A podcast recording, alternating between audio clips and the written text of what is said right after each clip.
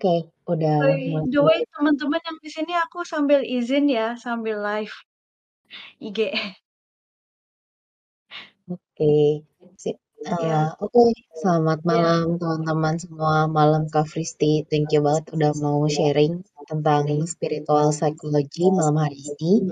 Eee, buat teman-teman yang gabung di meja hijau, thank you udah gabung.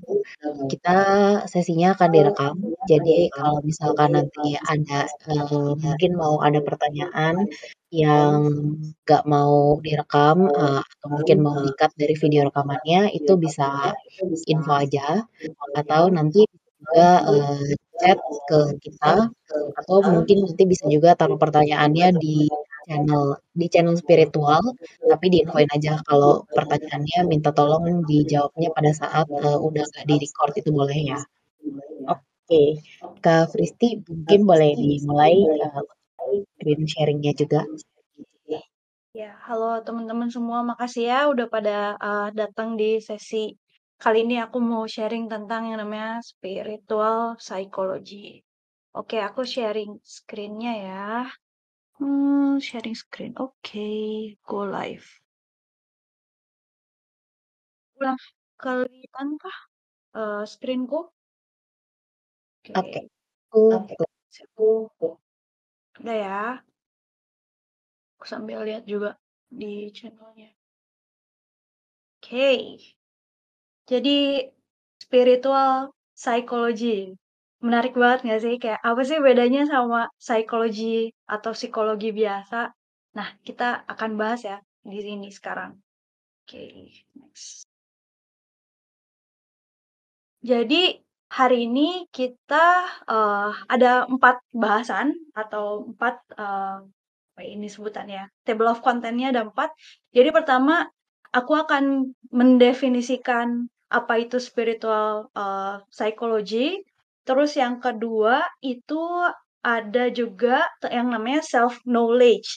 Jadi di sini itu kayak kita tuh belajar sebenarnya diri kita tuh siapa sih gitu. Apa sih itu consciousness itu tuh apa sih gitu? Jiwa tuh apa sih gitu? Terus ada yang namanya ego. Apa sih ego itu? Nah nanti kita akan bahas juga di sini. Terus yang ketiga itu ada the path of life. Jadi kayak ada namanya jalan hidup ya jalan hidupnya itu kayak bagaimana kita akan tahu gitu kita tuh berada di jalan yang tepat? Kayaknya ini pertanyaan banyak orang gitu. Ini ada di jalan yang benar nggak sih kita tuh gitu kan? Atau kita tuh tersesat atau enggak sih gitu? Sebenarnya jalan hidup itu ada berapa tipe gitu? Nanti kita akan bahas juga. Nah baru terakhir itu ada sesi refleksi ya. Jadi nanti kayak ada question answer terus kita bisa diskusi juga terakhir sama kalau misalkan ada komentar atau ada uh, apa ya merefleksikan diri gitu tentang ini boleh juga oke okay.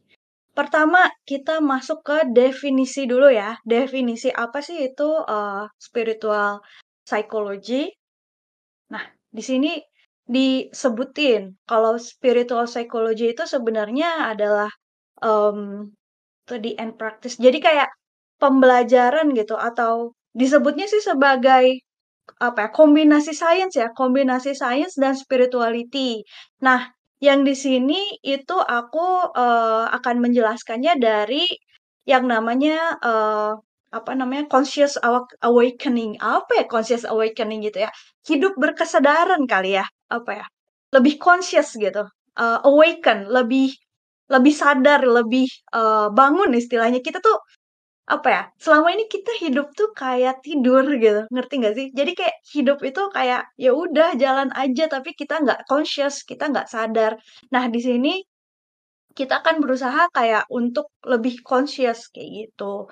Nah, lalu yang aku akan jelaskan di sini juga itu adalah bagian dari uh, gnosis ya, ajaran gnosis. Jadi kayak lebih ke filosofi juga.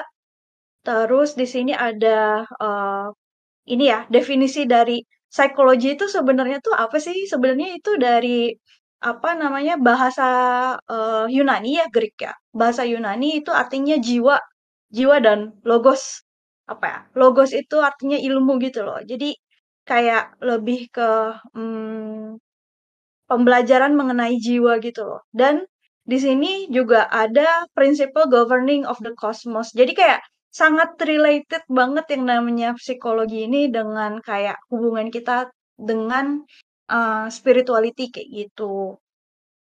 Nah, di sini disebutin juga kalau psikologi yang sebenarnya adalah the the knowledge of the relationship of the soul with God gitu. Dan di sini juga sebutannya kalau misalkan kita benar-benar bisa menerapkan uh, ilmu ini, kita akan benar-benar awaken secara spiritual gitu. Oke, okay. next adalah tentang self knowledge.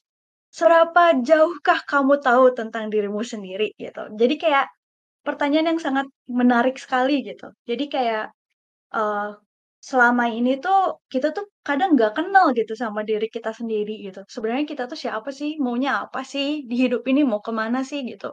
Dan ketika kita hidup tanpa tahu apa-apa, kita tuh kayak um, suffer gitu. Jadi kayak apa ya? Kayak bingung, kebingungan, tersesat, terus kayak rasanya tuh kayak aduh hampa gitu hidup itu. Makanya kita perlu self knowledge ini, perlu tahu diri kita itu uh, sebenarnya siapa gitu.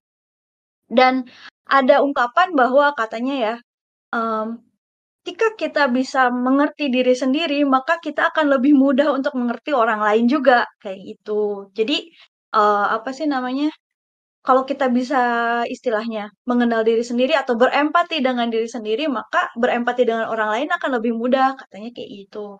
Dan ada juga ungkapan katanya, gimana sih kita bisa kenal Tuhan kalau kenal diri sendiri aja enggak kayak gitu. Jadi sebenarnya di sini aku mau menjelaskan kalau di sini uh, spirituality itu nggak terkait sama agama apa pun, jadi kayak lebih universal gitu ajarannya dan uh, kalian itu bisa mengidentify ya apa ya higher atau divine being itu entah sebagai uh, Tuhan kalian atau entah sebagai universe atau apa pun. Jadi pokoknya ada kalau dalam konsepnya spirituality ini kita memang ada koneksi ya dengan yang namanya higher power kayak gitu. Entah apa pun manusia menyebutnya gitu. Karena memang yang namanya higher power itu terkadang tidak bisa dideskripsikan tapi kita bisa bisa tahu itu ada gitu, bisa experience itu.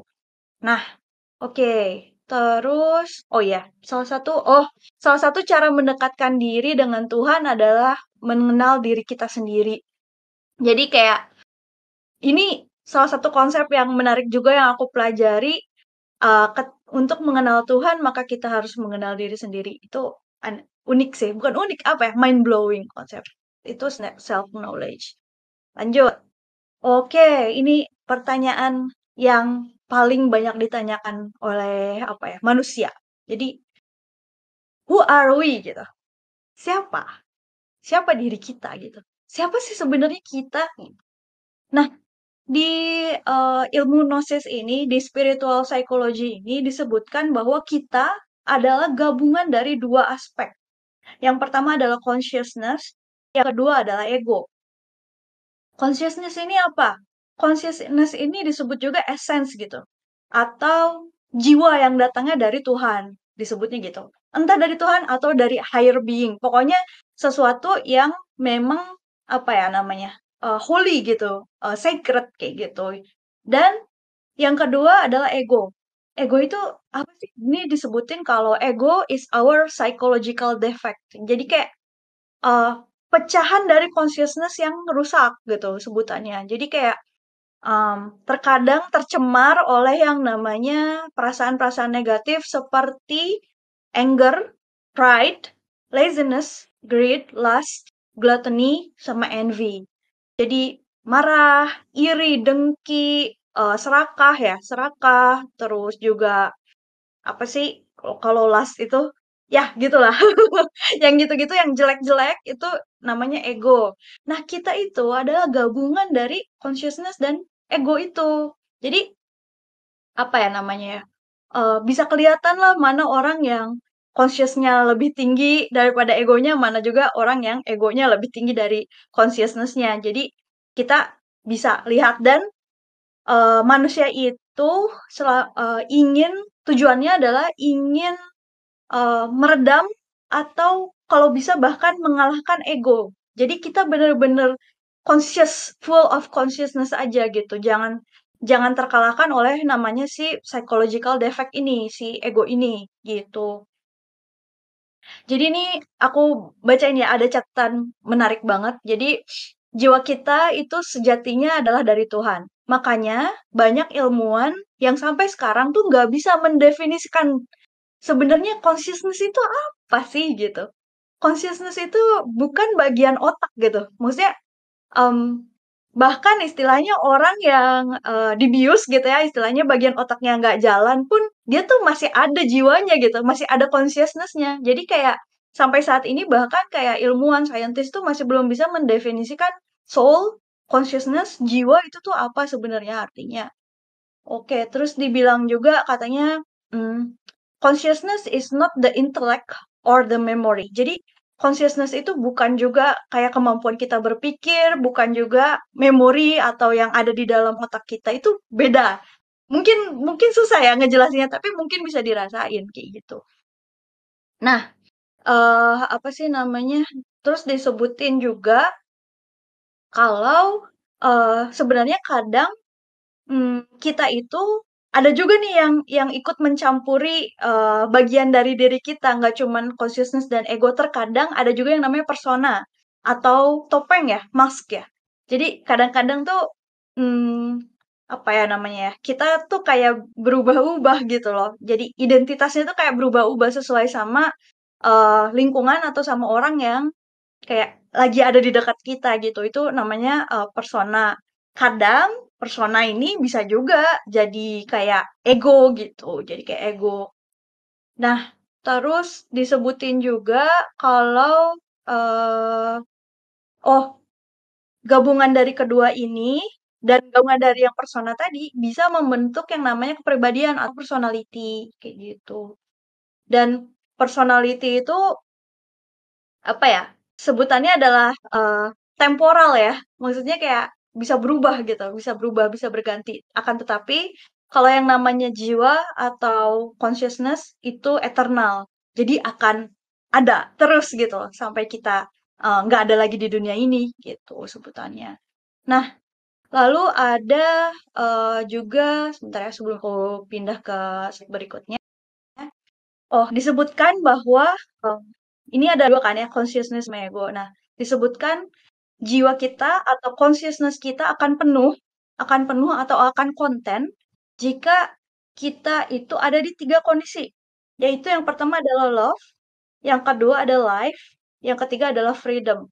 Jadi ketika uh, jiwa kita berada di tiga kondisi ini, maka kita akan merasa sangat penuh gitu, sangat bahagia gitu, sangat konten kayak gitu. Nah, untuk menuju ke tiga tiga kondisi ini apa yang harus kita lakukan? Yang harus kita lakukan adalah mengontrol yang namanya ego gitu. Karena ego ini yang bikin kita suffer ya nggak sih? Kalau kita marah kan, misalkan kayak kita marah tuh rasanya tuh happy gitu, nggak seneng gitu kan, rasanya jiwa kita kayak terkungkung gitu sama perasaan uh, negatif itu yang meledak-ledak gitu ya, marah gitu kan.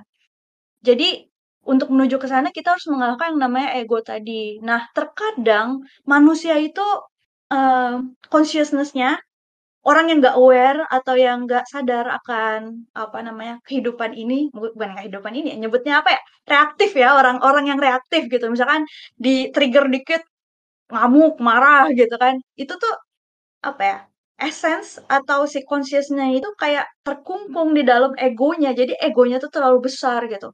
Egonya besar dan mengungkung si apa namanya si essence atau si consciousnya ini gitu. Jadi makanya dia jadi bereaksi bereaksi seperti itu kayak gitu. Nah, terus ada beberapa strategi juga gimana sih cara kita ngalahin ego. Nah, di situ disebutin kayak apa sih namanya? Kayak kita tuh melakukan kebalikannya. Jadi misalkan ada uh, lust Last itu apa ya bahasa Indonesianya? Last itu kalau misalkan lihat cewek cantik terus pengen ngapain, nah itu namanya last ya. nah, last nafsu ini bukan Kak Fristi. Apa tuh? Hawa nafsu bukan sih last. Hawa nafsu ya? Hawa nafsu. Yeah. Tapi Hawa nafsunya lebih ke seksual kali ya, kalau lust tuh ya? Mhm mhm. Ada hawa nafsu makan gitu, hawa nafsu apa gitu kan. Iya, kayak gitu. Jadi hawa nafsu yang lebih ke arah, eee, seksual kayak gitu, itu bisa dikalahkan sama yang namanya chastity. Chastity apalagi ya bahasa Indonesianya? Jadi kayak yang menahan gitu ya, mengontrol, eee, kalau aku baca definisinya di sini ya, chastity itu adalah, mmm, seseorang atau kemampuan untuk mengontrol diri dari sexual activity yang di considered immoral, yang dikat yang dianggap tidak immoral gitulah. Ya mungkin yang begitu-begitu gitu. Jadi itu bisa dikalahkannya lust misalkan, bisa dikalahkannya dengan chastity. Terus greed, gluttony gitu. Greed itu apa ya? Serakah. Terus yang makan apa sih? Makan gak berhenti-berhenti tuh glut gluttony itu bisa dikalahin sama yang namanya temperance. Temperance itu kayak ngontrol diri gitu. Jadi jangan jangan serakah, jangan makan kalau makan secukupnya gitu, jangan eee, jangan gak kekontrol kayak gitu. Terus di sini disebutin juga oh kalau kalau pelit sama harta gitu ya, greed, serakah gitu ya sama harta, itu bisa dikalahin sama yang namanya charity. Jadi kedermawanan ya. Jadi, eee, kalau kita dermawan, kita mengalahkan ego yang namanya, eee, apa tuh namanya tadi, greed, ya gitu.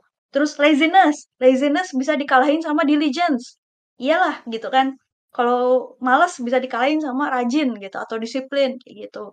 Anger atau kemarahan bisa dikalahkan sama yang namanya passion, kesabaran kayak gitu. Pride bisa dikalahin sama yang namanya humility atau rendah diri gitu. Rendah diri dalam artian yang baik ya, maksudnya, eee, apa ya, bukan rendah diri yang jelek, tapi kayak nggak sombong lah, nggak sombong gitu ya. Nah ketika orang bisa menerapkan sifat-sifat mulia ini, maksudnya yang bisa mengalahkan ego ini, maka si consciousness dia akan penuh gitu dan jiwa dia akan penuh dan dia akan berada di 3, eee, 3 kondisi tadi, love, life, sama freedom. Iyalah kalau kita terbebas dari ego kan kita rasanya freedom gitu loh, kayak nggak perlu marah, nggak perlu iri, nggak perlu dengki, nggak perlu serakah gitu, kayak udah aja gitu, eee, apa, jiwa kita rasanya penuh. Oke, itu tentang consciousness sama ego. Terus ayo kita lanjut lagi. Lanjut lagi. How to defeat ego, oh ini tadi udah aku bahas sedikit ya, cuman, eee, di sini step by step yang paling lebih jelasnya. Jadi pertama harus ngerti dulu ngerti dulu kalau kita itu hidup di 2 dunia. Maksudnya hidup di dua ni dunia apa bukan amfibi ya? Maksudnya hidup di 2 dunia itu ada yang namanya external world sama internal world. External world itu adalah kayak hal-hal yang berlangsung di sekitar kita sekarang. Misalkan, oh lagi malam nih sekarang, ini dunia aku nih sekarang di Jepang lagi malam gitu kan. Terus kayak aku lagi di kamar, lagi ngob lagi ngobrol sama kalian, itu external world aku. Tapi internal world adalah hal yang berlangsung di dalam apa, dalam diri kita gitu sekarang gitu. Misalkan aku bisa aja ya sekarang ada di sini, tapi mungkin pikiran aku ke mana-mana. Mungkin aku mikirin apa, aku mikirin, eee, temen aku kali yang ada di Indonesia, atau aku lagi mikirin besok aku masak apa ya gitu. Itu itu adalah, eee, internal world aku gitu yang terjadi di dalam, eee, diri aku sendiri. Nah, kuncinya adalah kita itu harus sadar gitu, kalau apa sih namanya, eee, itu ada gitu, si internal world dan external world itu ada dan jangan hidup kayak zombie, ngerti nggak sih? Kalau itu kan kalau ada stimulus gitu ya, ada rangsangan langsung reaktif gitu, nggak dipikir dulu langsung reaktif gitu, itu kan zombie ya. Maksudnya kayak, eee, gitu, dia nggak sadar gitu. Nah, kalau apa, untuk mengalahkan ego kita tuh nggak boleh reaktif kayak zombie. Jadi kayak harus sadar dulu, "Oh, oke, ada apa namanya, eee, ada stimulus dari luar, in stimulus ini apa, tindakan apa yang harus aku lakukan terhadap stimulus ini?" Kayak gitu. Jadi, eee, jangan kayak zombie sebutannya. Harus apa namanya, harus memproses dulu, memikirkan dulu, apa sih, eee, stimulus yang kita tangkap itu seperti apa. Itu, ngerti ngerti yang ada di 2 dunia tadi ya. Terus selanjutnya adalah self observation sama self discovery. Kalau ini kayaknya udah jelas ya. Jadi observation, self observation itu kayak um, kita observasi diri kita gitu. Dan kita tuh harus sadar kalau apa ada hal-hal yang terjadi di dalam diri kita, entah itu perasaan atau emosi gitu kan. Terus ada persona apa gitu yang lagi ada di dalam diri kita. Oh, sekarang aku lagi apa namanya? Um, kadang ya, kadang kita bahkan nggak paham yang mana sih diri kita yang sebenarnya gitu kan. Maksudnya kadang kan orang kayak, hmm, misalnya aku contoh ya, kalau misalkan aku sama uh, siapa ya, misalkan Eee, kalau aku di kantor misalkan aku lebih strict gitu misalkan, lebih strict terus kayak tapi kalau lagi, eee, sama apa, suami itu aku kayak apa ya, lebih apa ya, lebih friendly lah istilahnya gitu. Nah, sebenarnya kadang kita tuh bingung persona kita tuh sebenarnya yang mana sih, yang friendly atau yang strict gitu, yang galak gitu kan. Nah, itu kita kayak perlu, eee, observasi juga kayak gitu. Nah di sini tuh menarik. Jadi misalkan, eee, ketika kita marah nih, ego gitu ya, egonya marah, anger gitu ya. Oke, kita harus bisa lihat dulu ke dalam diri, "Oh, aku marah." Terus pikir, apa yang bisa dilakuin ya? Apa sih kayak, "Kenapa sih aku marah?" Gitu, mikir dulu, "Kenapa sih aku marah? Apa yang bisa aku lakukan supaya perasaan marah ini, eee, nggak ada?" Gitu, supaya aku bisa mengalahkan perasaan marah ini, kayak gitu. Atau pertama, tentu aja yang namanya ego itu dia nggak bisa dikalahin gitu aja, harus diterima dulu gitu. Jadi kayak, "Oh, oke, iya, aku jujur, aku ngerasa aku ngerasa serakah," misalkan. Atau aku males gitu, aku akuin deh, aku terima, accept gitu kan. Nah setelahnya kita jangan kebawa sama dia gitu. Jangan kebawa sama si ego gitu untuk terus males-malesan misalkan atau untuk terus marah gitu. Jadi kita harus bisa kontrol, kontrol diri kita kayak gitu. Nah, terus kadang ya, kadang kita tuh udah tahu gitu, apa yang terjadi sama diri kita tuh kita udah tahu. Tapi apa, kadang kita masih nggak bisa lepasin hal itu gitu. Gimana ya? Aku tahu aku marah, tapi aku nggak bisa nggak bisa redam itu gitu. Aku nggak bisa ngelepasin fakta kalau aku lagi marah misalkan, atau enggak aku dendam sama sesuatu atau seseorang yang udah nyakitin aku. Aku tahu itu nggak baik, aku tahu aku dendam, tapi aku nggak bisa ngelepasin apa ngelepasin dendam perasaan dendam itu kayak gitu kan. Nah, itu disebutin ya, eee, katanya, "Nggak apa-apa," katanya. At least kalau kita tahu tuh kita udah naik satu level, daripada kita nggak tahu. Jadi nggak apa-apa kalau nggak ketemu solusinya juga nggak apa-apa, yang penting observasi diri dulu aja kalau udah tahu apa. Nah, terus katanya disebutin ya, ketika kita melakukan self observation during the day, even, eee, terus kita meditasi akan hal itu gitu, kita tuh kayak menempatkan si ego kita itu kayak dalam sidang gitu ya, trial gitu, kayak, "Oke nih, si ego nih, si marah nih," katanya. "Ego, kamu nggak kenapa sih kamu melakukan itu?" Gitu. Jadi kayak kita seolah-olah ada ada jaksa gitu, terus ada pengacaranya yang ngebela si ego, terus kita ada jaksa penuntut yang nyalah-nyalahin ego, terus ada yang ngebela ego. Nah, di situ kita berfungsi kayak sebagai judge, sebagai jurinya gitu. Jadi kita lihat itu, oh si ego tuh kayak marah tuh gara-gara dia disakitin waktu itu, terus makanya dia marah, gini gini gini, makanya jadi gini gini gitu. Terus kita jadi bisa melihat lebih layaknya hakim gitu, layaknya judge, kita bisa melihat lebih netral gitu ya, nggak kebawa-bawa emosi kayak gitu. Nah, terus aku ini lagi apa lagi ya bentar. So when we talk about self talking about self process. Ah, oke. Hmm, oke. Jadi tuh terkadang ego itu bisa datang tuh dari luar loh, kadang. Ini menarik sih. Jadi, apa ya, selamanya ego itu udah dari dalam sananya gitu. Jadi sebenarnya dari mana sih datangnya ego gitu kan. Jadi ada yang bilang, ini agak nggak adil memang, ego itu ada yang datang dari genetik. Jadi, kalau yang genetiknya gampang marah-marah misalkan, emang keluarganya dari, eee, turunan-turunannya emang gampang marah dan, apa, cenderung punya darah tinggi misalkan, ya, apa namanya, si keturunan yang di bawahnya mungkin akan ada kecenderungan untuk darah tinggi juga dan gampang marah juga, kayak gitu. Itu genetik. Yang kedua adalah dari stimulus dari luar atau dari lingkungan. Nah, ini itu, apa ya, ini nih sebenarnya yang eee, kadang kita nggak saga nggak sadar akan akan hal ini, kayak gitu. Terus, eee, apalagi, eee, ego. Oke, eee, kadang-kadang kadang-kadang kadang-kadang ego itu muncul dari persepsi yang salah terhadap stimulus luar. Maksudnya apa? Maksudnya gini ya, jadi kayak misalnya, mmm ada orang ya, ada orang ngomong apa nih, misalkan apa yang nggak enak ya, misalkan kayak oh gini, eee, "Risti," gitu ya, eee, "Risti kamu, eee, bajunya" apa misalkan kayak, "Bajunya yang bagus dikit dong," gitu, ba "bajunya yang kalau lagi ngantor bajunya yang bagus dikit dong, kok pakai kaos sih?" Kayak gitu kan. Nah, ini kalau kita salah mempersepsikan stimulus ini, misalkan salah me me apa namanya, mempersepsikan kata-kata si orang ini, nanti kita mikirnya gini, "Wah, dia tuh ini sih, apa namanya, pengen jatuhin aku nih, nih orang ini nih," gitu, "nggak suka nih dia sama aku nih," kayak gitu. Jadi bikin persepsi sendiri dan sa kesalahan persepsi itu yang bisa membangkitkan ego gitu.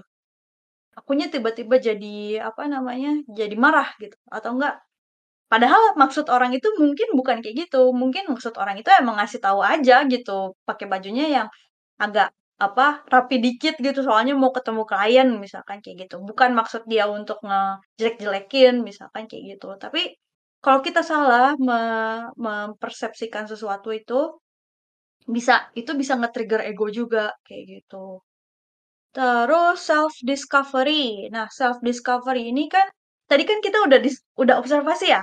Nah, sekarang kita discover nih, temuan gitu. Temuannya tuh apa nih gitu kan.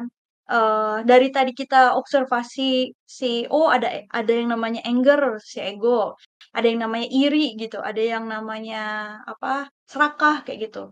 Nah, udah kita udah kita observasi, terus kita apa ya namanya, kayak, eee, discover tuh apa sih, temuin gitu ya, penemuannya itu apa sih gitu, oh 1, 2, 3 gitu kan.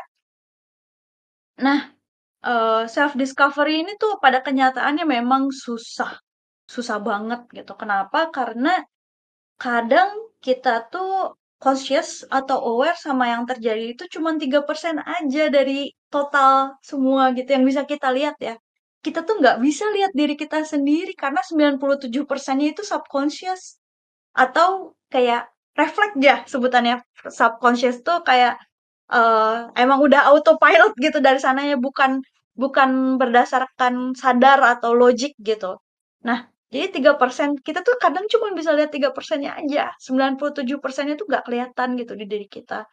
Nah, tapi, mmm, at least ketika kita udah ada di fase ini, at least tuh kita tuh tahu gitu, oh kayak gini.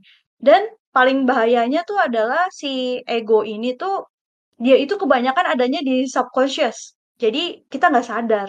Iyalah, ya nggak sih? Kita tuh kadang nggak sadar loh kalau kita tuh lagi, apa, di diselimuti oleh ego gitu kan, nggak sadar gitu. Nggak kelihatan karena memang ada di dalam subconscious kayak gitu. Makanya untuk bisa tahu ego, itu caranya gimana, itu namanya ada, eee, mirror mirror observation atau mirror method gitu. Nah, ini tuh, eee, ego itu nggak bisa langsung dilihat. Kamu mau mau nyari nyari ke dalam diri itu nggak kelihatan ego tuh gitu. Baru kelihatan ketika kita bercermin. Maksudnya mirroring itu apa? Mirror itu apa? Jadi kayak kita tuh, eee, kayak lihat, oh jadi kita refleksi, terus kita lihat seolah-olah diri kita tuh ada di cermin gitu, terus kita ngelihat diri kita ngelakuin apa gitu. Misalkan, oh kemarin kalap makan gitu, banyak banget gitu, sampai muntah misalkan ya, eee, gluttony kan berarti itu, gluttony gitu. Makan banyak banget sampai muntah kayak gitu. Terus, oke kemarin aku makan banyak sampai muntah itu apa yang terjadi ya sebenarnya kayak gitu. Oh, itu tuh karena gluttony, karena aku perasaan berlebihan gitu, pengen makan berlebihan, padahal makan secukupnya aja, kayak gitu kan. Nah, di situ itu, oke kita udah tahu, kita list ya, kita tulis gitu, "Oh aku tuh serakah," gitu sebenarnya. Emang berat ya, berat mengakui kadang takut juga sih, ngerti nggak sih? Kayak kadang takut juga ngelihat ke dalam diri gitu, kayak, "Emang aku sejelek itu ya? Emang aku se sejahat itu?" Misalkan kayak gitu.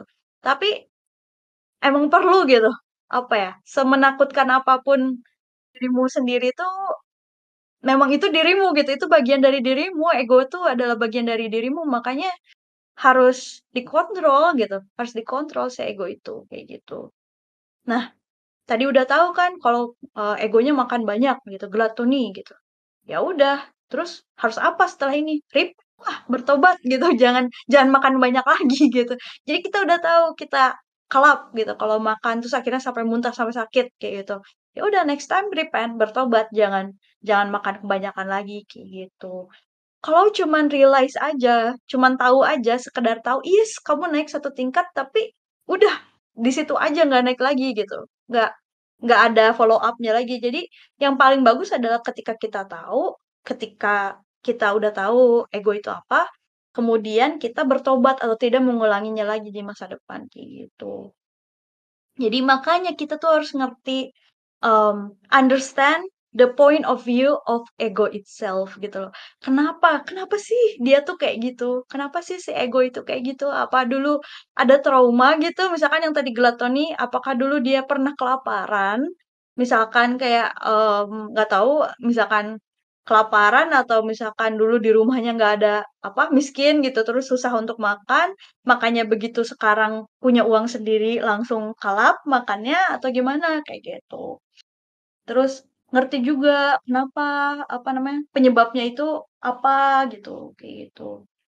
Nah, oke, udah tahu self observation, self discovery, terus lanjut nih ya ke find the real us. Jadi ketika kita udah tahu ego kita apa, eee, apa aja, dan kita berusaha menemukan essence kita.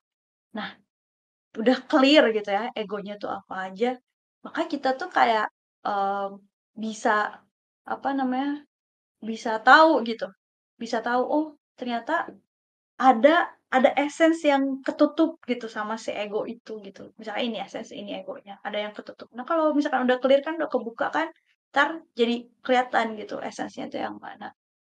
Jadi ya yang tadi kuncinya, kalau kita udah tahu egonya apa, jangan diturutin gitu, kontrol diri jangan diturutin, jangan kemakan ego juga. Soalnya kalau kita nurutin ego, entar kita bakal jatuh. Karena ego itu karena kerusak gitu tadi ya, eee, psychological defect tadi itu bakal kayak makin ngelit kita ke ke dalam kehancuran gitu. Kebalikan yang tadi, yang apa namanya, yang, eee, love, life, freedom, yang untuk si apa namanya, si consciousness kayak gitu. Jadi kita harus, mmm apa namanya, eee, kontrol kontrol yang namanya si ego ini, gitu. Oke, next next next.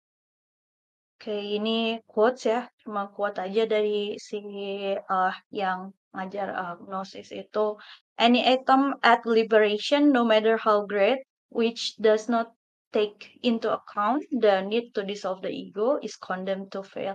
Jadi, eee, usaha apa pun untuk liberate, untuk melepaskan, apa namanya, jiwa kamu supaya tidak terkekang gitu ya, sebesar apa pun, kalau nggak berusaha untuk me mendissolve atau me apa, mengontrol atau mengalahkan ego, itu pasti akan gagal, sebutan kayak gitu. Oke, sorry, the path of life. Bentar, ini yang oke, ini nggak ada apa-apa ya sini. Oke, langsung lanjut deh. Jadi jalan hidup yang tadi, eee, aku bilang, jalan hidup itu ada 2, vertikal sama horizontal.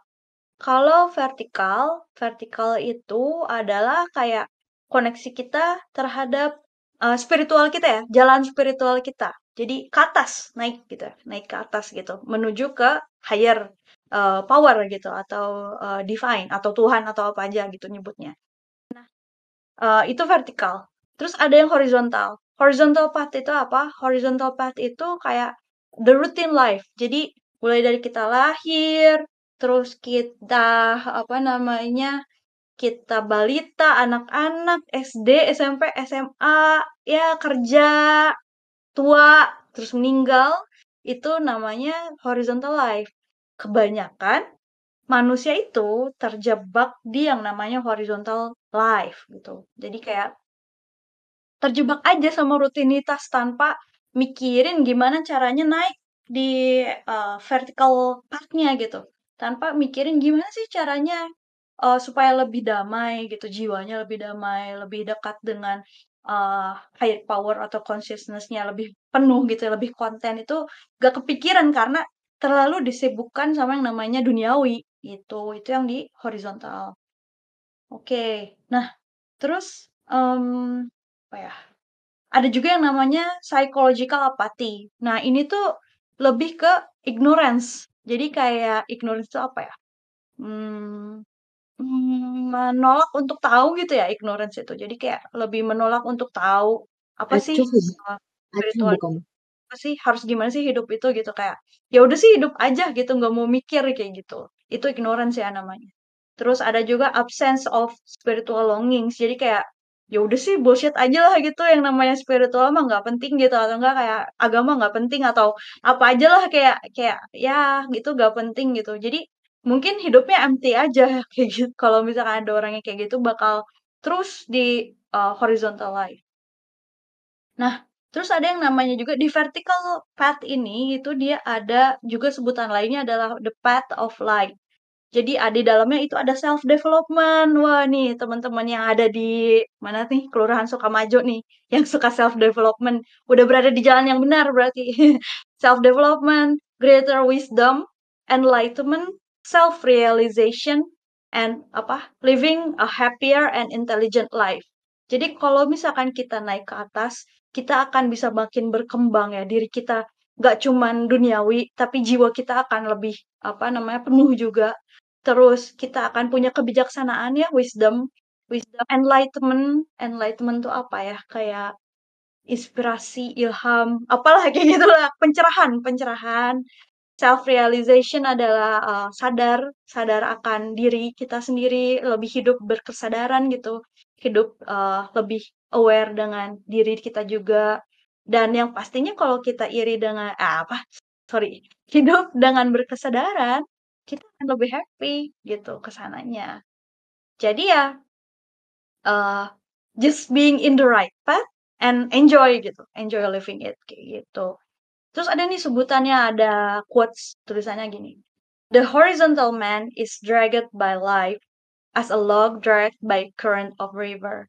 Jadi orang yang hidupnya cuma mikirin rutinitas aja gitu. Bangun apa bangun kerja makan tidur terus nggak mikirin self development nggak mikirin gimana caranya dekat dengan Tuhan atau nggak mikirin gimana supaya supaya jiwanya penuh itu tuh layaknya sebuah kayu yang hanyut di dalam sungai gitu. Jadi kayak nggak bisa ngapa-ngapain nggak bisa ngapain ya keseret aja gitu. Keseret aja sama harus kehidupan kayak gitu. Dan uh, yang susahnya dari vertical life ini dia memang butuh yang namanya effort yang besar ya.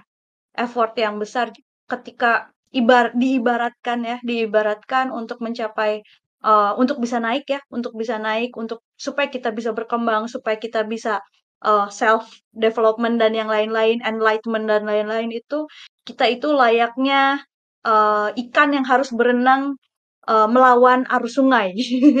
Jadi kayak orang lain ke mana kita harus wah gitu, harus usaha gitu naik kayak gitu. Cuman uh, resultnya adalah ya jiwa kita lebih konten kayak gitu. Nah ini ini nyambung sama LOA ini sebenarnya. Disebutin kan, kalau di Law of Attraction itu disebutin kalau we attract who we are, bukan what we want tapi who we are. Jadi kita itu attract apa gitu yang diri kita kita tuh apa gitu terus itu yang kita attract gitu loh.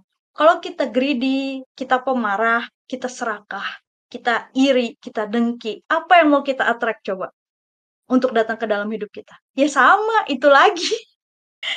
Ya nggak sih? Gitu nggak sih? Kalau misalkan kita marah kita marah nih marah-marah sama orang. Ya orang marah-marah juga kan ke kita kan? Jadi kayak kayak reaksi-reaksi gitu. Jadi uh, ini tuh berkesinambungan juga makanya sama si law of attraction gitu. Semakin kita berusaha mengalahkan ego, semakin kita apa namanya um, sadar akan uh, diri kita itu siapa, semakin gampang kita uh, manifest gitu. Semakin ngerti juga kita uh, apa namanya sama konsepnya law of attraction gitu. Dan tolong ngerti kalau we get what we give gitu. Jadi kita tuh dapat apa yang kita kasih ke universe gitu. Jadi semakin kamu give a lot gitu, kamu juga akan dapat banyak dan tentunya dapatnya nggak nggak duit. ya itu bisa entah kepuasan batin, atau kesehatan, atau juga relationship yang baik sama orang, kayak gitu. Jadi jangan kayak, eh, gue udah banyak ngasih nih gitu kan, ke mana nggak ada duitnya gitu, nggak balik lagi gitu. Ya ya enggak, emang enggak, maksudnya kayak oh, uang itu bukan apa ya? Uang itu cuman alat gitu, bukan bukan hasil yang akan kita tarik dari law law of attraction atau dari um, konsep spiritual psikologi eh apa ini gitu. Jadi um, if you are generous, you will attract generosity. Kalau kamu dermawan, kamu akan mengattract kedermawanan gitu ya. We get what we give. Jadi beneran kayak hukum hukum alam aja gitu. Uh, terus ini ada quotes dia, everyone levels, ah sorry, everyone's level of being attracts their own life. What we are internally, magnanimous or petty, generous or stingy, violent or peaceful, chaste or lustful, attracts the different circumstances of life. Jadi apa ya? Apa yang ada di dalam diri kita, internal, internal itu akan menarik apa yang terjadi di luar diri kita gitu. Jadi kalau di dalam diri kita itu pelit gitu ya, ya kita akan mengatrak kepelitan. kepelitan juga gak akan datang gitu ke dalam diri kita. Makanya hmm, harus hati-hati ya dalam bersikap karena apa yang kita berikan akan kembali lagi ke kita. Dan apa sih namanya? Uh, Finding ada ini ada menarik sih ini kata-katanya. Finding your ego is an enjoyable process because it's like finding your missing piece and we can polish it to be better. It's a treasure no matter how unpleasant it is. Wah, gitu. Jadi ketika kita menemukan ego, itu tuh suatu proses yang enjoy. Kenapa? Karena itu kita kayak menemukan bagian dari diri kita yang hilang. Kayak puzzle potongan puzzle kita yang hilang. Oh ini gitu. Walaupun ini jelek banget ya, kayak tadi aku bilang ini si siapa si Gluttony yang makan sembarangan terus nih gitu kan. Walaupun dia tampaknya jelek gitu ya, tapi itu dia bagian dari diri kita loh, kayak yang si Gluttony ini, yang serakah ini. Itu bagian dari diri kita. Terus apa yang bisa kita lakukan yang tadi yang kita kontrol atau bahkan kita bisa polish gitu kan dia jadi untuk jadi lebih baik kayak gitu. Kita ngertiin dia kenapa ya dia bisa jadi glatonik kayak gitu. Kenapa ya? Oh mungkin dia punya trauma dulunya susah makan gitu. Terus jadinya serakah sekarang gitu, pengen makan banyak karena dulunya nggak bisa makan kayak gitu. Itu tuh proses yang kayak seolah-olah bertemu sama kawan lama yang hilang gitu memang kesannya kita kayak harus mengalahkan ego mengalahkan ego, tapi nggak gitu juga gitu. Terkadang proses itu tuh adalah kayak menemukan sosok yang hilang gitu dari diri kita gitu loh, si ego itu, kayak gitu. Terus apa lagi ya, uh, change your thoughts, change your life. Ah, ini yang itu tadi lanjutan yang tadi aku ceritain yang law of attraction. Terus ada juga quotes dari Emmanuel Kant ya, salah satu filosofer juga, itu bicaranya tentang exterior life is just projection of interior life. Itu banget sih. Oke, okay. next deh, next. So, the world is blind. Few are they who can see things as they are. Ini kata Buddha ya, Siddhartha Gautama. Jadi dunia ini buta gitu hanya sedikit orang yang bisa ngelihat sesuatu itu apa adanya. Maksudnya apa? Karena kita itu dikotori sama yang nama impression. Maksudnya impression itu apa ya? Jadi misalkan, oke, okay, misalkan ini, ini HP, warnanya coklat. Ya udah, warnanya coklat kan. Sebenarnya yang apa adanya tuh ya ya udah HP aja warnanya coklat. Tapi impression kita itu langsung, wah parah nih HP murah nih, HP Cina nih murah gitu. Kayak, wah jelek nih, impressionnya langsung jelek. Nah itu blind. Itu sebutannya. Jadi nggak bisa ngelihat sesuatu apa adanya. Langsung bikin asumsi, langsung bikin impression. Itu sebenarnya salah. Jadi kita kayak harus bisa berusaha melihat sesuatu itu apa adanya, jangan dipengaruhi sama apa namanya, cara pandang atau pemikiran kita yang sudah tertanam dalam diri gitu loh. Jadi kayak berusaha melihat sesuatu itu, oh ya udah gitu, itu aja gitu. Oh HP, oh eh, bungkusnya warna coklat, oh gitu. Udah gitu aja gitu, nggak kayak wah parah nih jelek nih HP-nya nggak nggak gi- nggak gitu. Oke, lanjut. Next. Oke, sekarang ini sih eh, reflection session. Oke, oke Feli kayaknya udah selesai aku presentasinya. Ini stopnya gimana? Eh, bisa di stop di apa? Stop share screen-nya di menu Discord-nya deh, setauku. Taruh.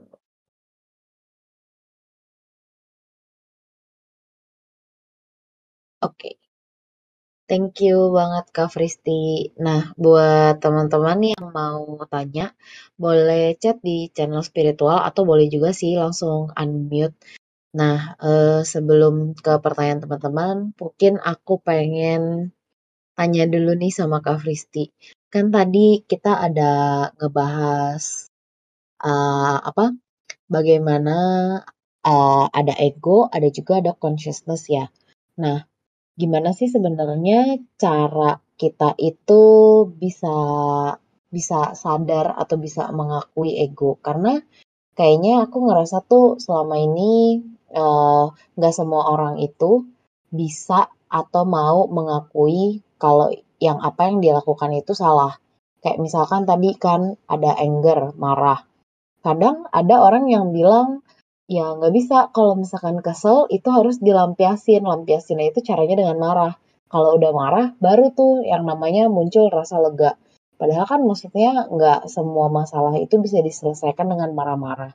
Dan ada efeknya juga kan ya, setelah kita marah-marah, mungkin hubungannya kita jadi nggak enak lagi sama orang itu.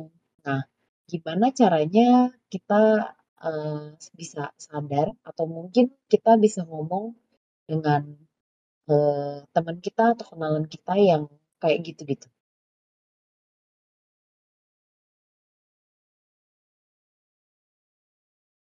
Halo,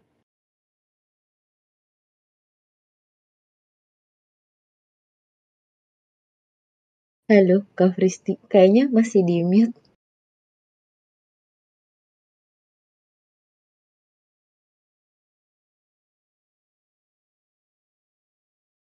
Halo,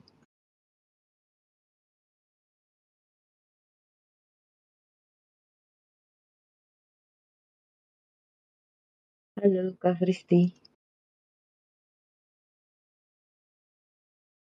Eh, teman-teman yang lain, apakah suaraku kedengeran? Kedengeran, Kak. Oh, oke oke. Kak Fristi, apakah lagi ada gangguan? Karena masih di mute nih, Kak.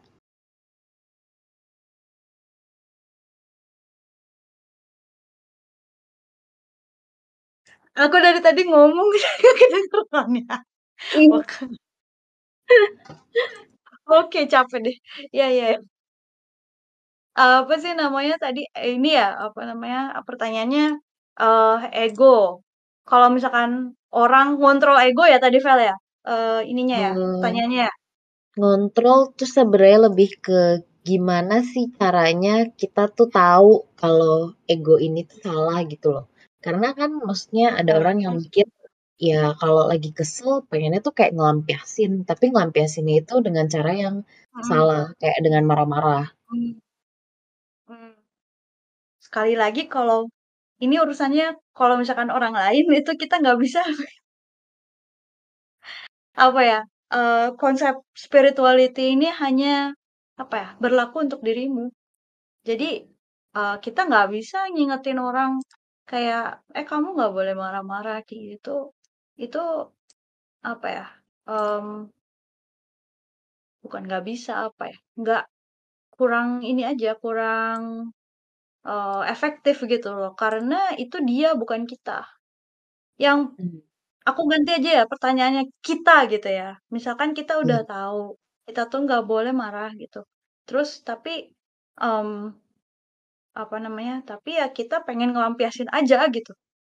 Kayak gitu kan maksudnya gitu. Iya. Nah mhm, nah kalau kayak gini itu yang tadi aku bilang, apa sih namanya, self observation self over observation. Jadi ketika ka kamu marah nih, Vel, ya, misalkan ada sesuatu yang men-trigger kamu banget, ada orang kurang ajar banget misalkan ya kamu gitu atau apa, terus kamu marah kamu marah banget. Itu langkah pertama yang bisa kamu ambil itu yang pertama adalah sadari kalau kamu lagi marah. Oke, kamu eee, aku sadar, aku lagi marah, tunggu sebentar. Jangan jangan bereaksi dulu, ketika kita lagi marah itu kita nggak boleh langsung bereaksi. Minimal kita itu harus, mmm, menenangkan diri, entah itu keluar, keluar ruangan, maksudnya jauh dari si orang itu dulu, menghirup nap ini ya, tarik napas ya, tarik napas, eee, panjang dulu. Gitu dulu, kayak apa namanya, pernap eee, tarik napas panjang dulu tenangkan diri dulu, keluar dulu. Pokoknya sampai sampai kepala kamu tuh agak, eee, apa ya namanya, eee, enggak enggak semarah tadi gitu, enggak enggak se-cloudy tadi gitu, sampai kamu agak tenang, sampai kamu agak tenang, eee, sedikit, baru mikir. Baru mikir udahnya, kayak direfleksiin dulu. Ya nggak papa, ambil aja 1 hari gitu, jangan, mmm, jangan langsung, apa, lampiasin gitu. Jadi kayak makanya tadi kan aku bilang, kalau hidup manusia itu nggak boleh kayak zombie gitu, nggak boleh ada stimulus terus langsung reaktif, enggak. Jadi, oke, keluar dulu, tarik nafas dulu, ya, eee, ngapain dululah, jalan-jalan di alam dulu atau apa dulu, terus udahnya baru observasi ke diri, entah itu meditasi atau apa, oke, bentar, oh gitu, oh aku aku marah karena si, apa namanya, si orang ini ngomong kayak gini gini gini gini. Kenapa aku marah ketika dia bicara seperti itu? Oh bentar, mmm, oh aku merasa harga diriku dilukai karena dia bicara seolah-olah seolah-olah dia merendahkan aku, tuh mungkin ya. Oke, dari situ apakah benar dia berusaha merendahkan aku gitu? Atau dia ada maksud lain gitu? Atau mungkin mungkin maksud dia baik aja gitu, mungkin maksud dia misalkan kamu dikatain gitu pas pas presentasi gitu dikatain, "Feli presentasi kamu jelek banget," gitu, atau emang bener nggak? gitu kan, atau emang bener presentasi aku yang jelek? gitu misalkan ya, atau atau itu masalahnya si orang itu, eee, di orang itu, mungkin dia lagi kesel hari itu, atau mungkin dia lagi apa gitu, ada hal yang bikin dia ke-trigger, makanya dia kayak melampiaskan, eee, itu ke kamu, kayak gitu. Jadi, ketika kita memproses semua stimulus memproses semua stimulus yang ada, terus merefleksikan, eee, melalui meditasi atau refleksi atau nggak papa ini aja dulu, apa namanya, kayak pikir dulu aja sendiri gitu, take your time, itu, eee, kalau aku rasa ya insya Allah tuh bisa bisa seenggaknya kalaupun kita meledak, seenggaknya akan lebih akan lebih terkontrol, nggak akan ngelakuin hal yang malu-maluin gitu. Atau misalkan kayak boer, banting meja gitu atau ya ya kalau misalkan udah sampai refleksi meditasi kayak gitu mah kalau aku rasa ya nggak orang nggak akan gitu, nggak akan sampai kayak gitu. Jadi ya kuncinya tadi aku bilang, eee, jangan langsung dilampiasin marahnya, eee, keluar dulu. Kalau misalkan ada di ruangan, kamu keluar, pokoknya jangan jangan ada di tempat yang sama di yang kamu marah gitu, di lokasi yang kamu Mmm. marahnya gitu. Keluar dulu, tenangin pikiran dulu, napas dulu napas dulu, minum dulu kalau perlu, kalau emang marah banget gitu ya, napas dulu, minum dulu, eee, tarik, eee, apa namanya, ya pokoknya cari udara segar lah, kalau di Jakarta nggak ada udara segar ke mana lah nggak tahu. Pokoknya pokoknya, eee, jangan ada di situ, udah itu yang tadi yang aku tanya eee, aku bilang refleksi, "Dia bener nggak ya?" omongan dia tuh bener nggak ya sebenarnya? Apa jangan-jangan dia tuh um, oke okay, kalau dia bener gitu ngatain misalkan presentasi aku jelek, kira-kira jelek di mana ya kayak gitu. Atau jangan-jangan dia tuh cuma pengen ngata-ngatain doang gara-gara dianya lagi kesel karena apa gitu. Jadi kayak hmm, di dipikirin dulu loh apa ya? Uh, aku tuh kalau nggak salah pernah baca uh, proses how to defeat negative thoughts itu bukan positive thoughts, tapi critical thinking.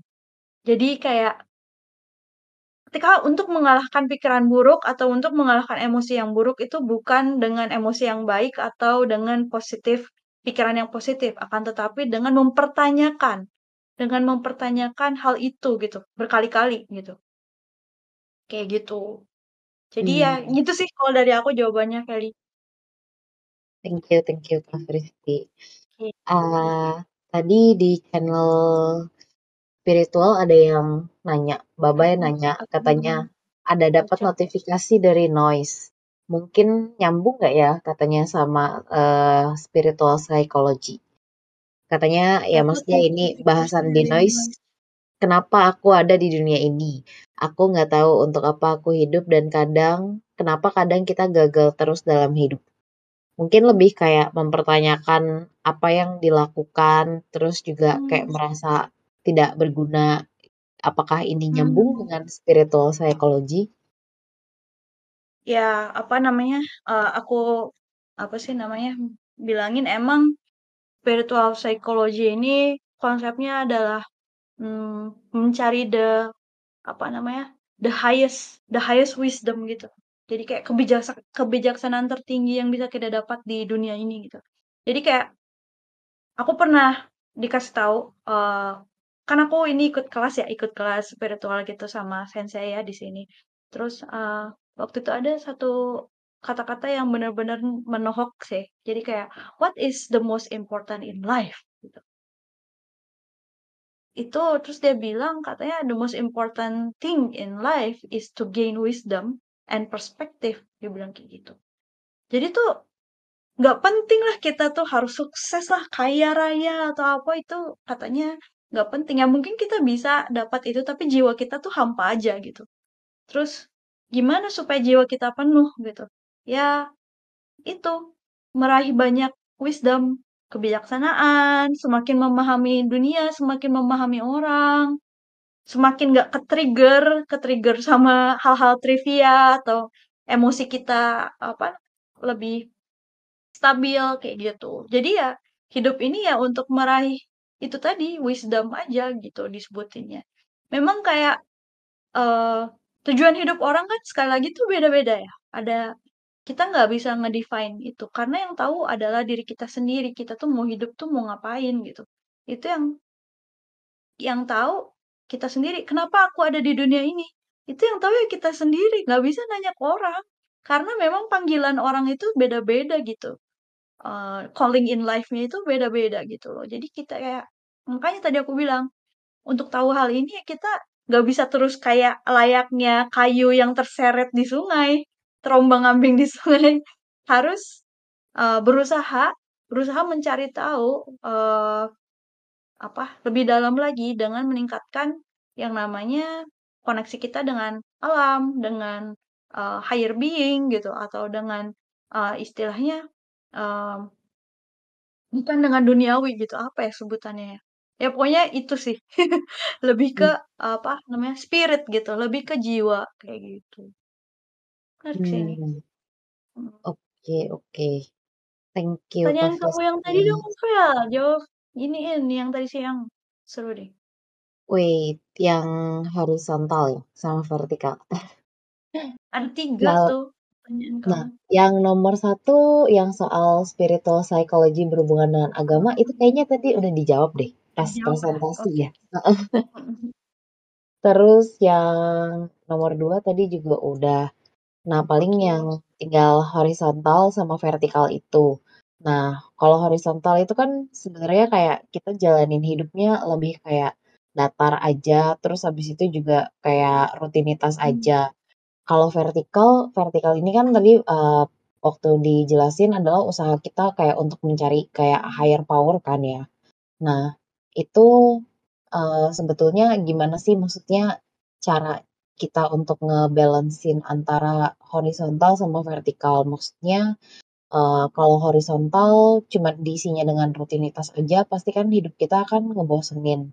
Tapi kalau misalkan kita fokusnya ke vertikal, karena ini ke higher power ya, jadi maksudnya bukan bukan lebih ke apa ya, maksudnya gimana supaya kita, eee, hidupnya tidak terbatas sama rutinitas, tapi kita juga tidak terlalu fokus mencari, eee, the higher power, sampai kita juga mengabaikan nih, eee, orang-orang di sekeliling kita.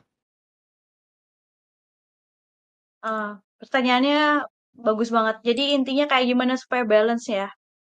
Balance vertikal sama, eee, horizontal path-nya. Jangan terlalu istilahnya meditasi mulu ya, nggak nggak kerja, nggak main gitu ya.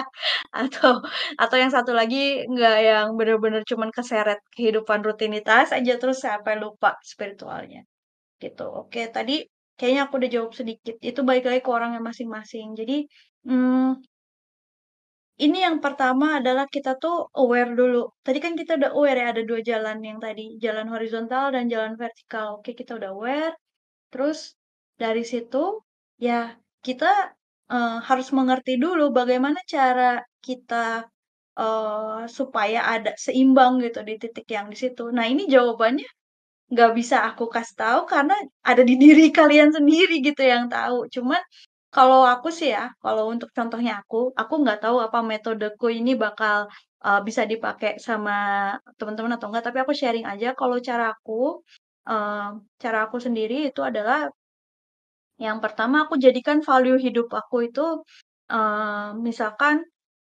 hal-hal yang bisa meningkatkan spirituality-ku, mi bahkan termasuk di antaranya adalah self development gitu. Dan self development ini, mmm, untuk aku bukan sekedar untuk duniawi aja, tapi juga kayak untuk misalkan, eee, supaya gimana caranya supaya aku bisa lebih, eee, forgiving gitu, lebih bisa memaafkan orang, lebih bisa jadi dermawan kayak gitu, atau enggak lebih bisa menerima, eee, hidup kayak gitu, menerima takdir kayak gitu, itu gimana. Nah, aku menjadikan itu sebagai value hidup aku, salah satunya. Dan ketika kita udah menjadikan, s apa, aspek spiritual, salah satunya aja ya, nggak usah semuanya, aspek spiritual ke dalam value hidup kita, insya Allah kita tuh setiap kali bertindak atau setiap kali memikirkan sesuatu, memikirkan atau ingin bertindak, itu pasti mikirnya ke sana dulu. Bentar, gitu kan. Misalkan misalkan pengen apa ya, yang yang ini, yang ego. Misalkan oh misalkan pengen pamer gitu ya, misalkan pengen pamer, egonya pride gitu kan. Pengen flexing pengen flexing di, eee, di mana gitu, di sosmed gitu. Terus, eee, mikir, pas mikir, bentar, kalau aku flexing di sosmed berarti, eee, apa namanya, yang akan keangkat itu siapa? Oh si pride gitu, ego, ego yang pride. Oh berarti aku nggak usah nggak usah flexing di sosmed gitu. Jadi ya udah gitu aja, gimana ya, cara menyeimbangkannya adalah menerapkan konsep-konsep spirituality dalam kegiatan sehari-hari gitu, dalam kehidupan atau rutinitas sehari-hari. Bukan berarti, eee, spiritualitas itu ketika kita berusaha meningkatkan spiritualitas itu kita harus meninggalkan hidup sehari-hari, justru itu salah itu konsepnya gitu. Kalau hidupnya cuman meditasi doang, kagak kagak apa, kagak terlibat dalam, eee, dunia gitu ya istilahnya, untuk apa gitu? Apa yang mau dimeditasiin gitu loh. Kayak apa yang mau direfleksikan gitu, apa yang mau dipikirkan gitu. Karena dalam meditasi itu, eee, apa, kita itu berefleksi tentang kehidupan gitu loh. Tentang ya kayak filsuf gitu loh. Jadi kayak berefleksi tentang kehidupan, eee, yang terjadi sama kita, terus kayak berefleksi kayak yang tadi aku bilang tentang ego, kayak gitu. Kalau dia cuman ngendem di rumah meditasi, meditasi apaan gitu kan. Atau mungkin jangan-jangan meditasinya yang lain, yang yang cari ilmu bener cari ilmu beneran. Itu kalau itu udah bukan apa namanya, udah bukan spiritualitas lagi, udah nggak masuk ke, eee, pos apa namanya, spiritu eee, spiritual psychology atau the consciousness awakening itu udah udah nggak masuk ya, udah nggak nyambung kalau yang meditasinya buat cari ilmu segala macam ya, kayak gitu-gitu udah udah bukan ranah ranah lagi. Nah, yang konsep di sini adalah supaya tujuan kita ada menyeimbangkan, bukan menyeimbangkan malah, mmm, sebenarnya kalau kita bisa menerapkan, apa namanya, konsep yang, eee, tadi, yang refleksi atau yang segala macam spiritual tadi ke dalam kehidupan sehari-hari kita, ya kita hidupnya akan lebih conscious aja, nggak kayak zombie gitu, yang tadi aku bilang, lebih conscious dan secara otomatis itu akan balance akan balance gitu. Karena ketika kita menjadikan si vertical path atau si spirituality itu sebagai jalan hidup kita, otomatis kita akan terjaga di horizontal path-nya juga gitu. Nggak akan istilahnya nggak akan jatuh gitu, nggak akan terperosok dan istilahnya rusak gitu, nggak akan kayak gitu. Gitu sih. Mmm, Gitu. oke. Thank you, Kak. Fristi. Berarti itu sebenarnya dari apa, kalau misalkan kita cuma ngejar yang horizontal tanpa kita kejar yang vertikal, mungkin kesannya hidup kita monoton karena kita nggak tahu ya, maksudnya tujuan tujuan kita hidupnya apa. Kayak tadi kan maksudnya, eee, Kak Fristi sempat nyinggung katanya kalau jiwa kita akan penuh kalau misalkan kita, eee, ada love, life, sama freedom. Nah, tapi kalau misalkan mmm. kita jala apa, jalannya cuma rutinitas aja, ya Mmm. biasanya jadinya ya kita hidup kayak cuman, ya udah sehari jalanin rutinitas, tidur, besok lakuin hal yang sama lagi. Mmm, nggak live kita, nggak hidup kita, kayak Iya. zombie. Iya. Mhm, iya iya. Oke oke, Gitu. thank you, Kak Fristi. Dari teman-teman yang lain, apakah mau ada tanya-tanya soal spiritual psychology? Silahkan boleh di-unmute langsung loh.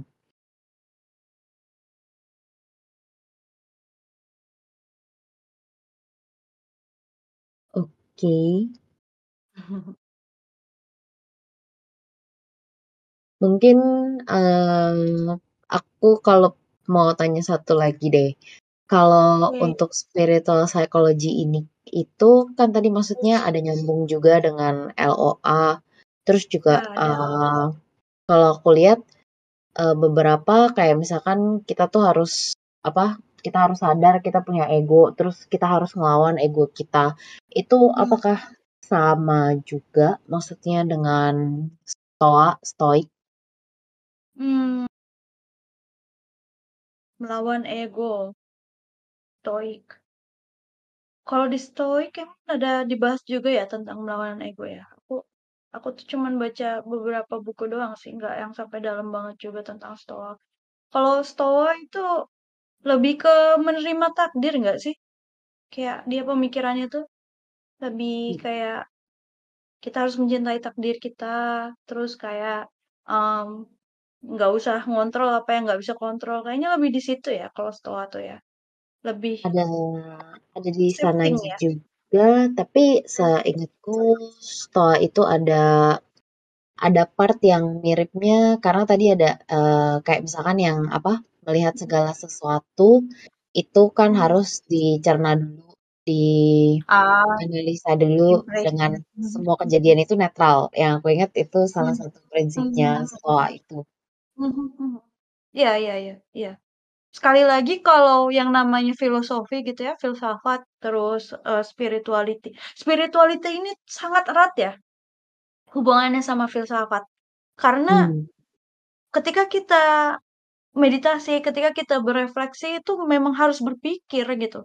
Dan proses berpikir adalah konsep dasarnya dari filsafat itu sendiri kan. Jadi, mmm, saling berkaitan sih sebenarnya, kayak melengkapi sih, saling melengkapi aja. Cuman apa bedanya ya?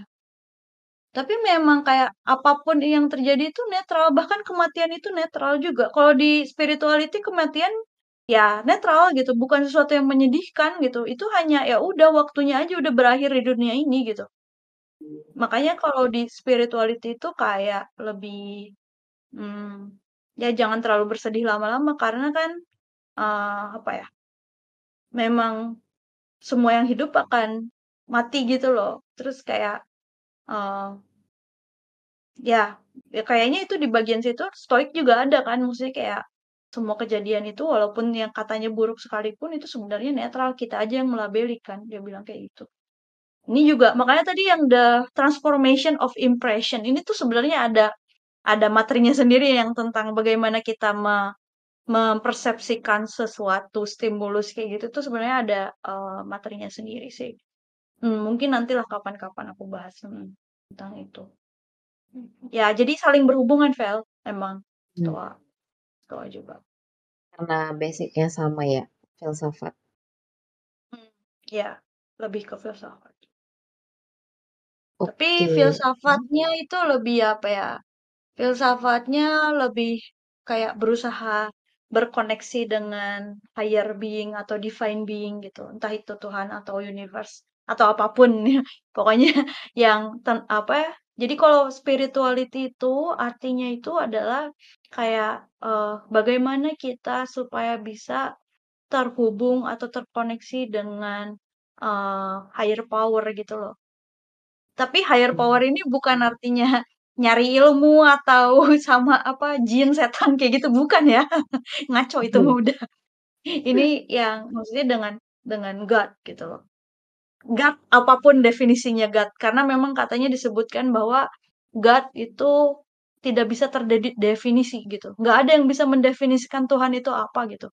Sosok dia tuh apa gitu itu nggak ada gitu. Bahkan kayak agama sekalipun kayak berusaha untuk me menghubungkan gitu, berusaha untuk menghubungkan gitu. Makanya kayak bikin persepsi-persepsi seperti itu. Makanya tadi aku bilang spirituality ini kayak apa pun agamanya nggak masalah karena bukan khusus untuk agama tertentu atau untuk kayak uh, bahkan kayak aku tadi bilang agnostik pun bisa jadi spiritual gitu. Asalkan dia percaya aja gitu sama higher being, udah itu aja sih kuncinya. Gitu. Hmm. hmm. Oke, oke. Thank you, Kak Fristi, penjelasannya. Mantap. Bagaimana dengan teman-teman yang lain? Apakah ada yang mau bertanya atau mungkin ada sharing perspektif lainnya?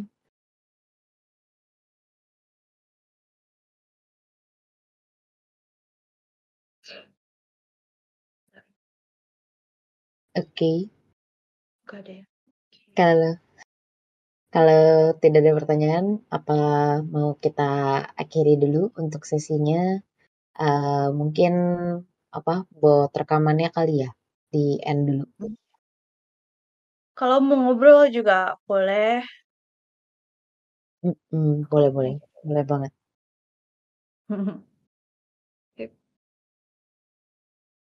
hmm, mungkin aku minta buatnya dimatiin dulu kali ya, bentar. Makasih ya semuanya.